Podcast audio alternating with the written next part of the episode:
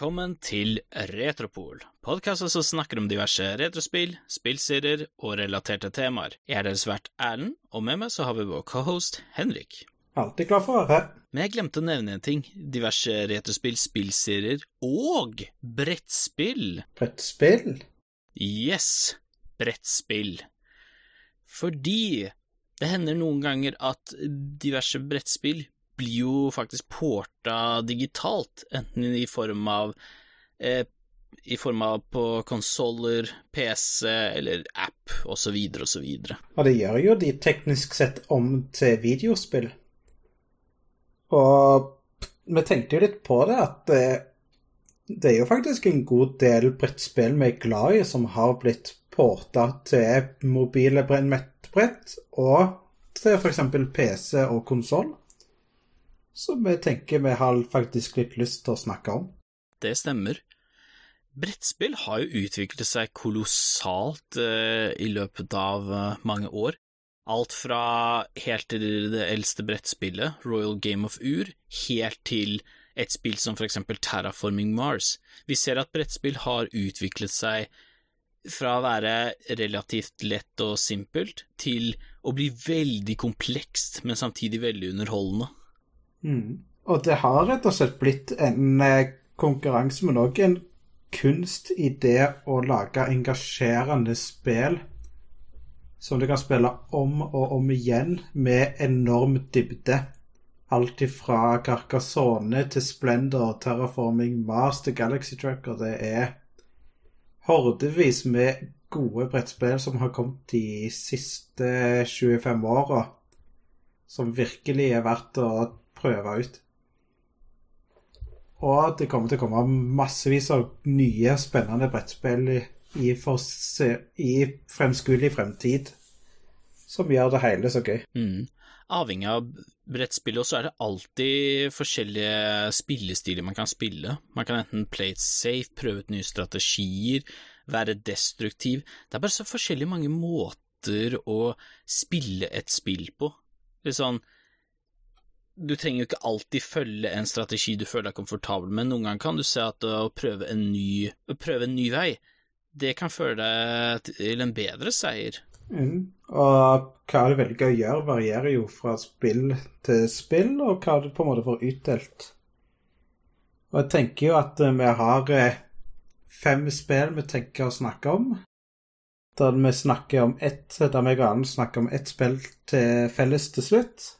Og jeg tenker at du kan starte med det første spillet. For å si det sånn, de brettspillene vi har valgt, de er ikke ludo, monopol eller stigespill eller ja, såkalte enkle barnespill, fordi vi har bestemt oss for å velge spill som er av høyere kvalitet, kan man si.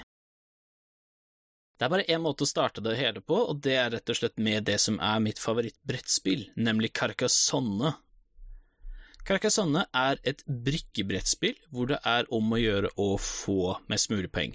For å få mest mulig poeng, så er det sånn at du får utdelt en brikke med med en av mange ulike kombinasjoner på. Det kan enten være med en by, by og vei, kloster osv., osv. Greia er at du legger da den brikken ved siden av en annen brikke, enten vertikalt eller horisontalt. Det er ikke lov til å legge det diagonalt eller løst.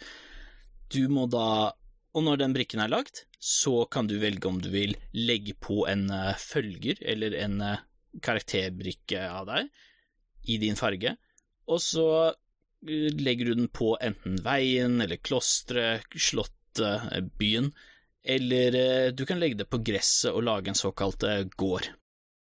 Du kan da bli ferdig med noen av prosjektene med en gang, for eksempel med vei, da bare avskjørter du veien på begge ender. Med en by så bare lukker du den, sånn at det ikke er noe som tyter ut av bybrikker. Og med kloster så er det bare om å gjøre å få bygd brikker rundt klosteret.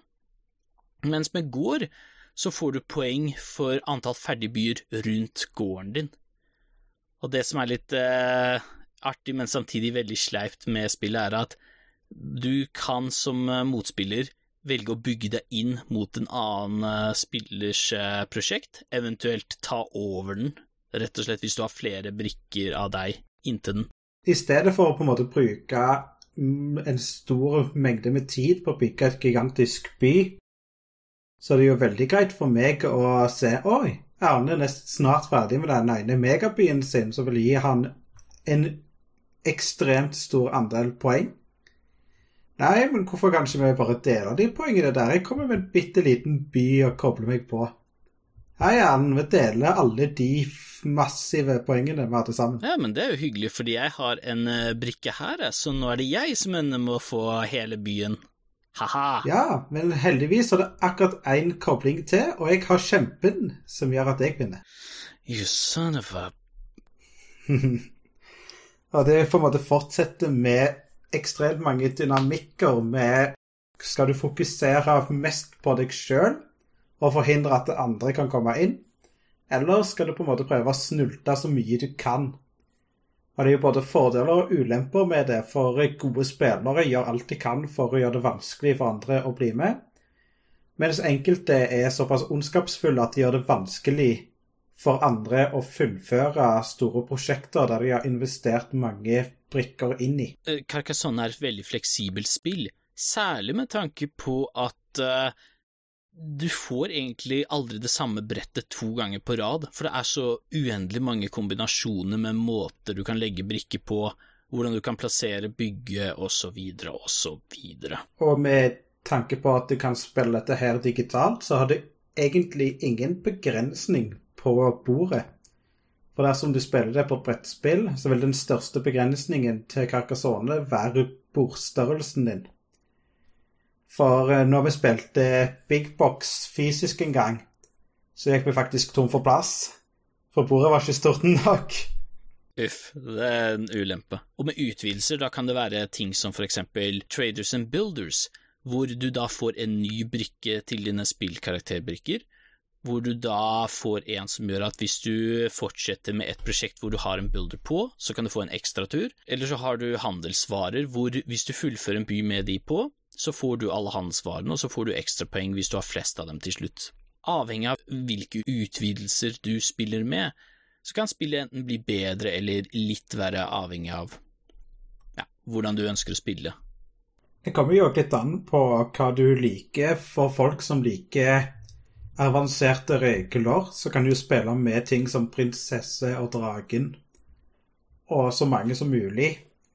Men jeg kjenner jo sjøl at jeg foretrekker expansions som gir forskjellige typer brikker, mer enn mer kompliserte elementer. Ting som elv og broer og andre unike bygningstyper. Det synes jeg er interessant å komplementere sånn jeg liker å spille Carcassonne. Men det som er fint, er at du kan velge å vrake sjøl hvordan du velger å sette opp spillet. Mm, for det er jo ikke sånn at du må spille med alle utvidelsene. Du kan velge ut de utvidelsene du vil spille med, og så få den spilleopplevelsen du ønsker.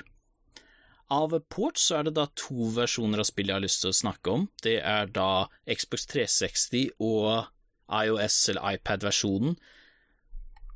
Xbox 360-versjonen har jo da kun tre utvidelser. To River Expansions og en ved navn King and Baron. Litt dumt det ikke kom uh, utvidelser som Insen eh, Cathedrals, men eh, går fint. Altså, noen ganger så må ikke alle versjoner av Carcassonne må være komplekst. Det skal også nevnes at Xbox 360-versjonen har et veldig bra soundtrack som gjør at spilleopplevelsen blir mye artigere enn at det bare var helt stille. En iPad-versjonen, som for øvrig var lagd av Code Monkeys, men eh, da kontrakten deres gikk ut i 2020, så tok jo Asmodi over, så jeg vil jo, med tanke på at Code Monkeys virkelig fanget spiriten til den originale brettspillversjonen av Carcassonne, så ville jeg sagt at det er den du bør spille av eh, sånn Carcassonne Ports, men fordi den ikke lenger er til salg, så er det litt sånn I'd say go buy it, but you can't. Og det er litt dumt. Ja, det er litt sånn trist at det er sånne skjebner eksisterer med ting som er digitale only-spill. Men akk ja, Alt i alt, Carcassonne, uansett om det er brettspillversjon eller en digital port, absolutt verdt å skaffe seg. Er, med tanke på at dette er mitt favorittbrettspill, så er det absolutt verdt tida di.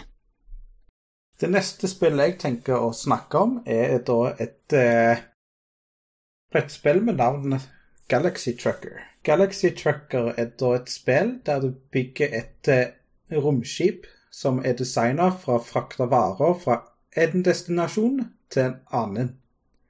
Og består da av to faser. En byggingsfase der du konkurrerer med opptil fire andre spillere om å bygge det beste romskipet. Og så har du den andre fasen der du sender romskipene dine ut i, rom, i rommet. Og da spiller ut kort som gjør forskjellige ting. Enten om du slåss mot rompirater, må unngå asteroider, finne gode skatter, eller på en måte har speedboost-konkurranser der du på en måte bruker all motorkraft for å komme så lengst fram som mulig. Det som på en måte er greit å begynne på, er bygningsfasen. Du får utdelt en blueprint som da former romskipet ditt i en firkanta grid. Der du da har en brikke i midten som på en måte da har alle koblingene i alle fire hjørner. Dette er da startbrikka di. Fra startbrikka di så kan du koble på komponenter som da enten er lagringsplass, ekstra sånne soverom til mannskapet ditt, batterier, motorkraft, lasermaskin og reflektorskjold. Og du må da bruke dette her til å bygge et skip som da kan gjøre de oppgavene som fase to krever. Det som på en måte da er viktig å tenke på når du bygger et skip, er det at du har tre koblinger i spillet. Du har en universal kobling, som da støtter alle typer. Du har en sylinder, som kun kan kobles sammen med universelle eller sylinderkoblinger. Og du har en klo, som kun kan kobles sammen med en klo eller en universalbrikke. Dersom du da kobler en klo og en universalbrikke sammen, så vil den brikka som ikke har noen annen kobling til noen annet sted, bare falle av romskipet og forsvinne. Som på en måte da fjerner alle andre brikker rundt. Målet er jo da på en måte konkurrere mot andre motstandere i å få tak i de beste brikkene. Når du starter spillet, så ligger alle brikkene på senter i midten av eh, bordet. Du kan ta én og én brikke opp og se på den brikka. Om du da velger å ha den, så kan du sette den på brikka og koble den på umiddelbart. Dersom du ønsker å ha den, men vil vente med å spille den på brettet ditt, kan du lagre to brikker i en lagringscontainer, som du da kan bruke i løpet av byggingsfasen. Dersom du finner en brikke du ikke vil ha, så må du legge det med side opp tilbake igjen, så alle kan se hvilken brikke du har lagt tilbake igjen. Det blir jo da konkurranse der den første mann som er ferdig med å bygge, starter, og kan da starte en timer. Dersom du ikke klarer å bygge skipet ditt ferdig før timeren er ute, så vil du da ha et uferdig skip som du er nødt til å reise rundt med. Hmm. Sånn sett så er jo spillet sånn Jeg kan skjønne at folk har appell for det, men uh, og jeg har jo gitt dette spillet en sjanse. Det som er litt dumt, er jo at når du skal velge ut brikkene, så er dette real time. Det er ikke etter tur. Det er jo Må gjøres fort og så effektivt som mulig. Det som er jo litt dumt med akkurat denne spillestilen, er jo at fordi noen ganger man kan sitte og tenke på hva er det som er den beste strategien, så er det liksom in the heat of the moment så blir det veldig vanskelig å tenke, hvilket fører til at du kanskje tar brikker som du strengt talt ikke eh, trenger, eller eh, at du plukker feil, og så må du legge tilbake, og det blir litt sånn Det er veldig fort gjort at det går i surr. Så kall meg gjerne gammeldags, men eh, jeg hadde foretrukket hvis det var etter tur, at det ikke var sånn instantly real time. Men igjen, det er bare meg, da, så For det er jo kanskje de mest avanserte delene av dette spillet her. For du kan i løpet av byggefasen Se på hvilke kort som vil dukke opp i løpet av fase to, og bruke det til planlegging av hvordan du ønsker å bygge romskipet ditt. Det gir deg jo en viss strategisk fordel, men du kan jo ikke gjøre noe annet når du ser på disse kortene her. Og det gjelder jo å på en måte finne ut gjennom å spille det en del hva som er lurt å satse på, og på en måte hva du kan forvente deg vil kunne komme til å skje. For jo bedre romskip du bygger, jo større er oddsen for at du klarer å komme deg gjennom romfasen uten skader. For du vil møte på ting som pirater, som kan fjerne mannskapet ditt. Og dersom du mister all mannskap på flåten din, så taper du runden. Og i andre tilfeller så kan det være greit å ha masse mannskap, for de kan raide romskip, mens de som bare har ett mannskap, har ikke ressurskapasitet til å kunne ta dem. Og samtidig så har du da f.eks. fokus på rommotorer, og du kan fokusere på å være raskest fram til mål og få poeng på det. Eller så kan du på en måte fokusere veldig mye på laserkanoner for å stoppe asteroider og kunne bekjempe rompirater. Så det det er litt sånn risiko mot belønning. Ønsker du å gå veldig generalist, eller prøver du å være spesialist og håper på det beste? Og det er den der risiko mot belønningen som gjør det hele veien interessant, men at du vet, du vet aldri 100% om det du har bygd, vil faktisk føre deg i mål. Men du må nesten bare på en måte prøve å finne noe som funker, og håpe på det beste. Og det at du på en måte aldri helt vet hva som kan skje, gjør at du òg aldri på en måte kan avhenge deg av én strategi om å hele veien være fleksibel, som på en måte hele veien gjør dette her replayable. Så absolutt. Det neste brettspillet jeg skal ta for meg, det er Ticket to Ride. Ticket to Ride er et brettspill hvor det da går ut på at du skal bygge toglinjer fra punkt A til punkt B du får da utdelt oppdrag som sier at du skal bygge da fra X by til Y by, osv. Og, og når du har fullført det, så får du da poeng for eh, de eh, oppdragene du har fullført. Misliker du på et oppdrag, da får du minuspoeng for det, hvilket er det du ikke vil. Det er jo om å gjøre å få mest mulig poeng. Og da er det jo forskjellige måter du får poeng på. Du får det ved å fullføre oppdrag. Du kan også trekke mer oppdrag eh, når du har fullført andre og så får du poeng for å legge ut togene på skinnene. Slik det fungerer, er at du og andre spillere Det er jo tre ting man kan gjøre når spillet begynner. Du kan enten velge å trekke flere kort som du da trenger for å kunne legge på linjene. La oss si for eksempel det er en eh, sekslinjers eh, rute som du da må ha da seks blå tog for å få lov til å legge på så kan du bruke én tur på å betale disse seks blå kortene med, sånn at du kan da få lagt på ruten og få poeng for det. Eller så kan du da velge å trekke nye oppdrag. Og slik man eh, spiller i Ticket Ride, så er det jo mange måter man kan spille det her på. Det er liksom ikke én strategi som er fasiten. Du kan jo velge for eksempel å fokusere på å få lengste rute og ta færre oppdrag, eller ikke få lengste rute, men heller fokusere på at du fullfører så mange oppdrag som mulig før spillet er ferdig. Mm. I tillegg så kan du prøve å satse på å få tak i spesielle regnbuekort. Også kalt lokomotivkort.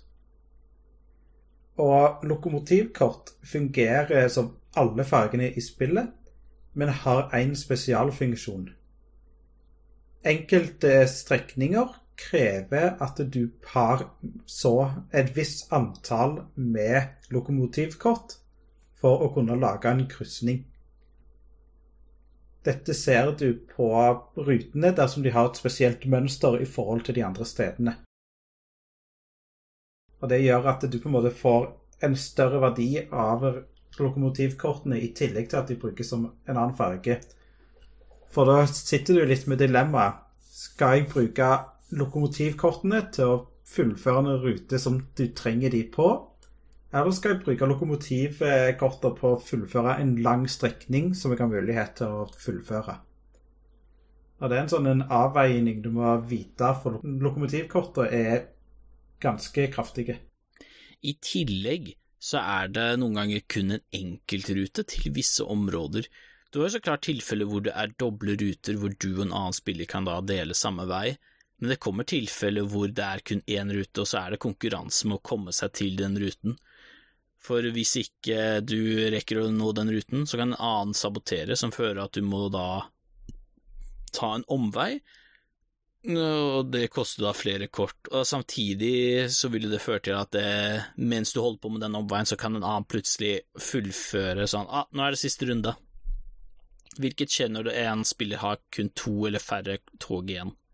Det som da er mulig å gjøre i sånne situasjoner, er å bygge en togstasjon. TicketRide har jo da også kommet med forskjellige ports. Du har jo den originale USA-versjonen, men opp gjennom årene så har det kommet Europa, Nordic countries, Legendary Asia, Switzerland osv. osv. Europaversjonen har jo da for eksempel det Har jo for eksempel noe som heter stasjoner. Og stasjonene fungerer da som en gateway fra en plass til en annen. Der du da på en måte kan eh, koble en rute gjennom en annen persons rute, så lenge du har en kobling mellom stasjonene. Dette gjør at du kan fullføre en del Quest uten at du på en måte slipper å måtte bygge en omvei, eller hvis det ikke er noen andre alternativer til stede. Samtidig så taper du en del poeng på slutten av spillet med å bruke en sånn en togstasjon. Så det er ikke en gratis brikke. Nei, så du må jo noen ganger vurdere hva er det som er lurt å gjøre, hvordan bør jeg spille. Og så klart, med forskjellige ports av Ticket to Ride, så er det veldig smakbehag hvilken versjon av Ticket to Ride du kommer til å like mest. Men det som iallfall er positivt, er at grunnreglene som regel er likt, og at det er så mange baner, gjør at du kan velge og vrake i det du ønsker. Ticket to Ride har jo også kommet på forskjellige plattformer. Du har jo da Xbox 360-versjonen, som også som Carcassonne-porten har en veldig bra soundtrack som får det til å virke som en sånn epic Ville Vesten-film.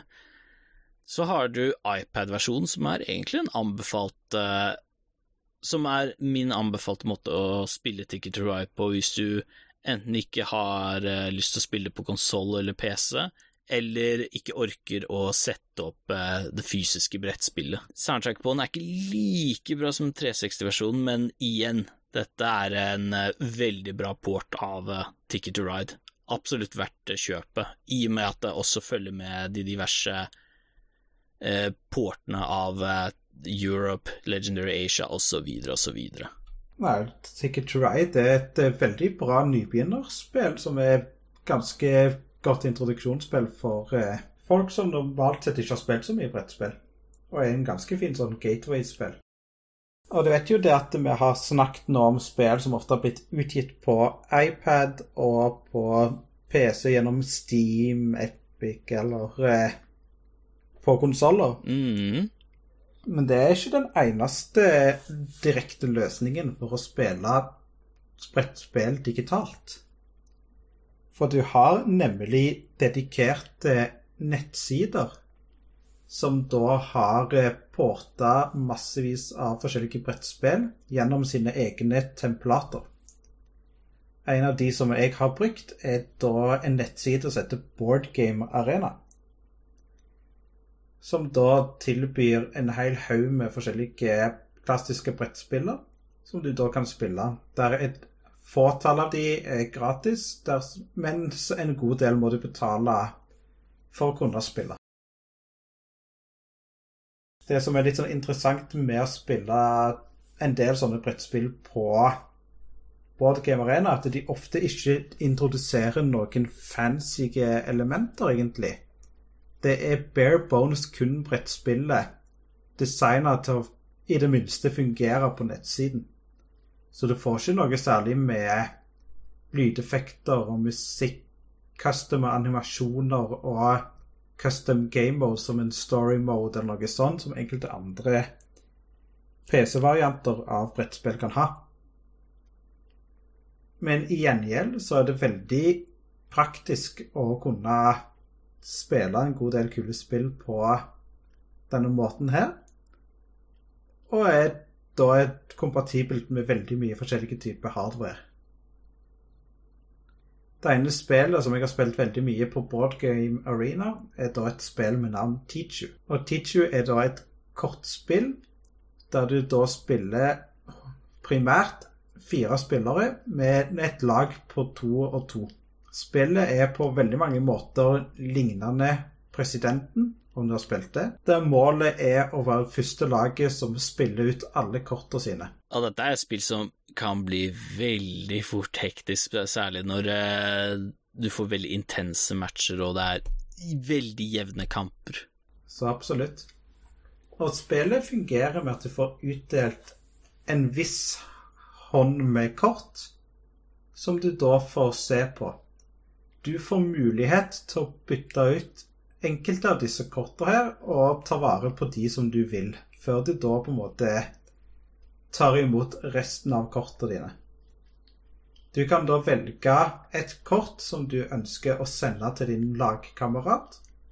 Og du har da to kort som du er nødt til å sende til din motstander. Men i den startfasen der, før de gir kort videre og tar imot eh, motstandernes kort og de ekstra kortene de skal ha, så har hver spiller muligheten til å erklære grand tissue.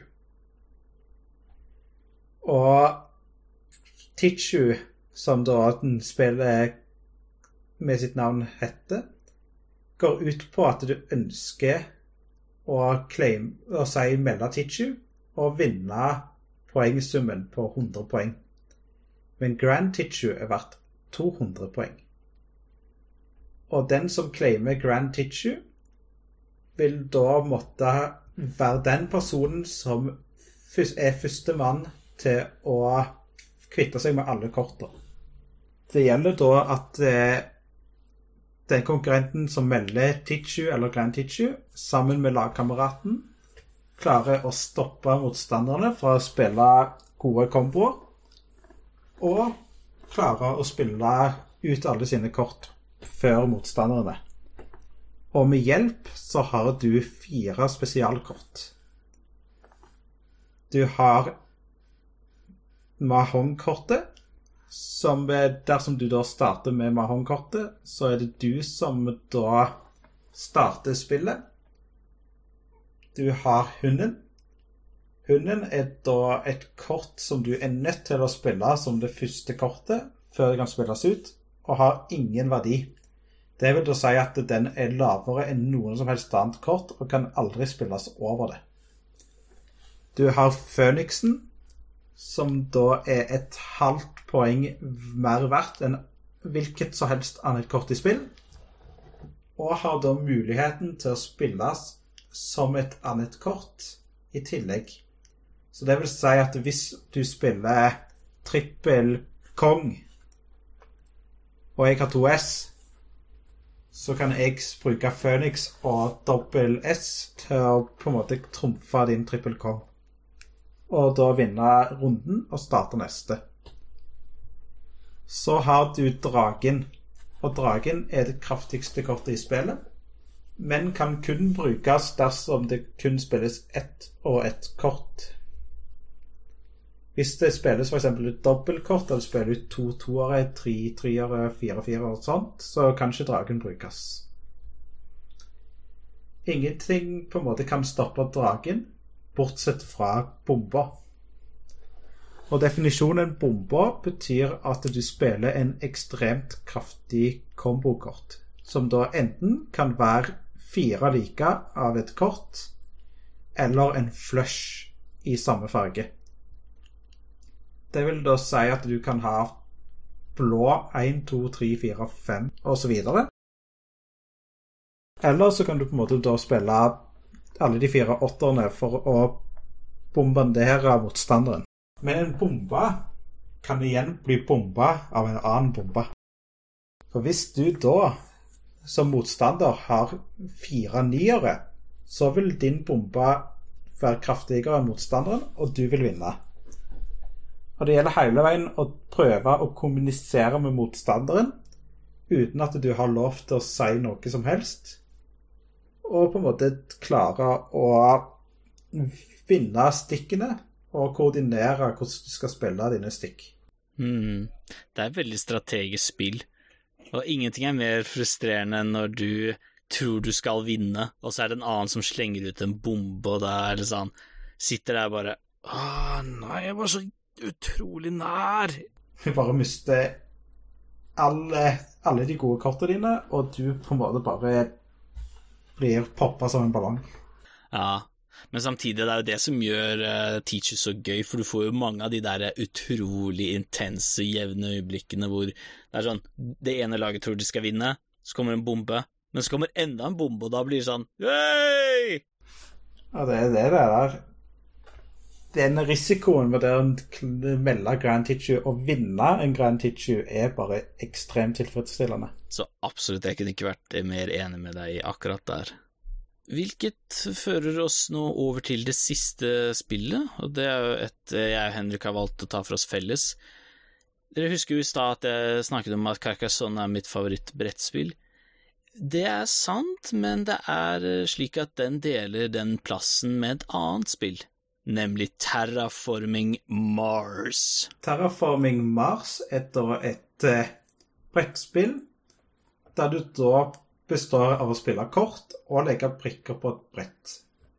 Hovedmålet med spillet er da å terraforme Mars med at du tilføyer planeten oksygen, vann og temperaturøkning. Når alle de tre kriteriene har nådd sitt maksnivå, så vil spillet gå inn i sin siste runde. Og når denne runden er over, så avsluttes spillet der eh, vinneren kåres av den som har fått mest poeng. I spillet så har du da diverse corporations. Du får da kun muligheten til å spille som en av dem. Du må da velge den, og så får du x antall penger, eller x gimmick, som du da kan bruke til å hjelpe deg med å vinne i spillet.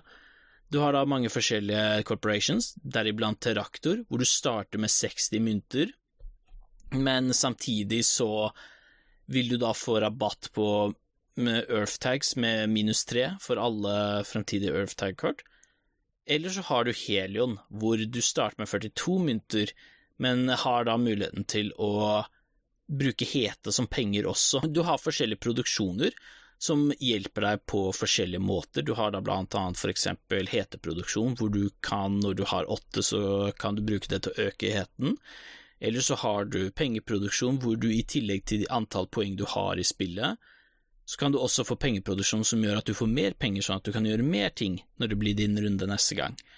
Eller så har du planteproduksjon som du bruker da til byprosjektene dine, og jo flere planter du eier, jo mer poeng får du, samtidig så får du mer poeng for deg for byene dine, hvis du har skog rundt.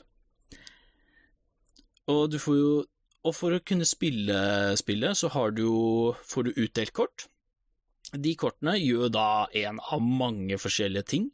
Det kan være i form av at du får opp en produksjon, du får et eh, prosjekt for en billigere penge enn det det koster for standardprosjekt, eller så kan du fjerne produksjonen eller stjele fra en motspiller, eventuelt sabotere, avhengig av hvilket kort du får. Mm. Og det er så veldig mange forskjellige spillestiler som hele veien gjør det interessant. Og hvilken spillestil du velger, vil alltid variere ut ifra hvilke kort du får, hvilke selskap du får, og hva motstandere rundt deg får å spille ut. Og bare for å simplifisere litt, så tenker vi også bare å fortelle litt om enkelte strategier som på en måte ofte kan dukke opp. Og jeg tenker å ta den første, som da er terraformer.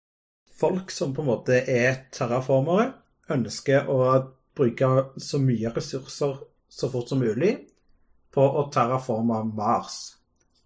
De ønsker da ofte å prøve å få nesten et monopol på en av ressursøkningene, enten det er heteproduksjon, vann eller oksygen og utnytter dette her til å få Mars raskest mulig terraformer, sånn at de får mest mulig poeng, samtidig som de unngår motstanderne for å bygge seg opp poeng på andre vis. Mm. Eller så har du det som er poengsamleren. En eh, venn av oss er veldig glad i den her, hvor det da går ut på at du er ikke så opptatt av å terraforme Mars på brettet, men du er mer opptatt av å samle kort som gir deg victory points. I tillegg til Terraform-ratingen din, så har du også victory points som gir deg mer poeng på slutten av spillet. Og så har du visse kort som gjør at du kan legge på flere ressurser på det kortet, som gjør at du får enda mer victory points. Og da vil jo den som er eh, victory points-samleren, bare for å gjøre det litt enkelt, victory points-samleren vil da gjøre alt de kan for å samle opp mest mulig kort med victory points eller eh, victory points pluss kort på. Og anbefaling, hold, følg nøye med på disse spillerne, for de kan, de kan, eh, de kan samle opp veldig mye victory points uten at du legger merke til det. Den neste spillestilen jeg vil snakke om, er type spesialist eller ressursspesialist. Dette vil da være en spiller som bruker mye ressurser i å spille spesifikke typer kort som har én spesifikk ressurs.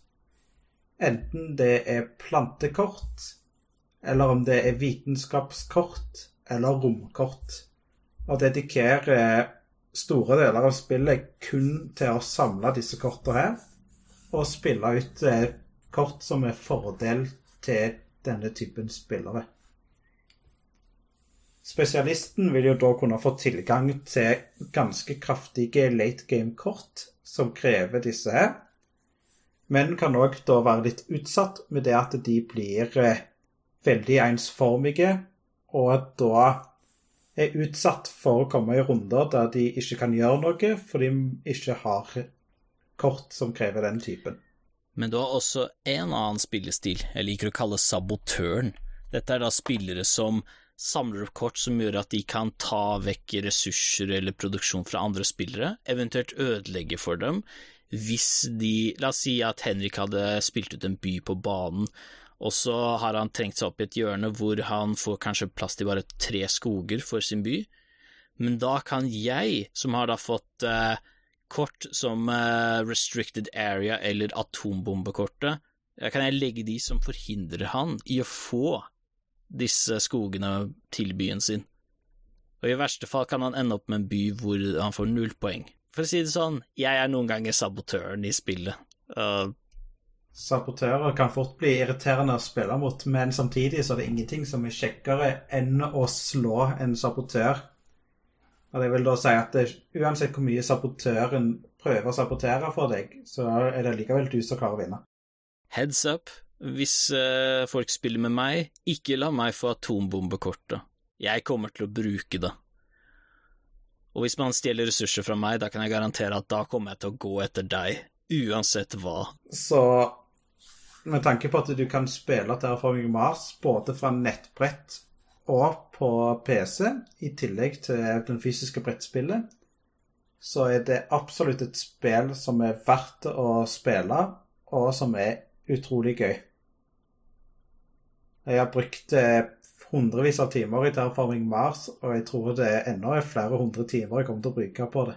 Det, det her spillet sammen med Carcassonne er to brettspill. Sånn, hvis jeg var strandet på en øde øy, og jeg kunne kun ha med meg to spill, da er det definitivt Carcassonne og Terraforming Mars som blir, får høyest prioritet. Jeg har fått det samme hos meg òg. Ja, hva er det egentlig å si, uansett om det er uh, digital eller uh, fysiske versjon av brettspillet. Det er alltid verdt uh, tida å spille spill som dette. Fordelen med å spille det digitalt er jo at da slipper du å bruke tid på å ta pakke inn og ut spillet hver gang. Det er liksom bare sett opp og sett i gang, liksom. Men det er noe med å spille det fysisk også, når du faktisk kan se motstanderen din, se hvordan de reagerer. Det er liksom Det er noe veldig spesielt med det, egentlig. Mm på den positive siden så er det jo litt det du sier, mye lettere å sette opp, og lettere for folk å kunne samles online på mange vis. Men det er så mange brettspill som bare er gøy å bruke en kveld på å spille. Og det er på en måte bra at det, det er et eh, mulighet som finnes. Vi vil minne på at vi er tilgjengelige på Twitter etter Retropol64. Der er det bare å sende oss konstruktiv kritikk, eventuelt eh, stille spørsmål om det skulle være behov. Og med det så er jo denne brettspillspesialen av eh, Retropol ferdig. Tusen hjertelig takk for at dere hørte på, og så snakkes vi. Ha det bra. Ha det bra, ja.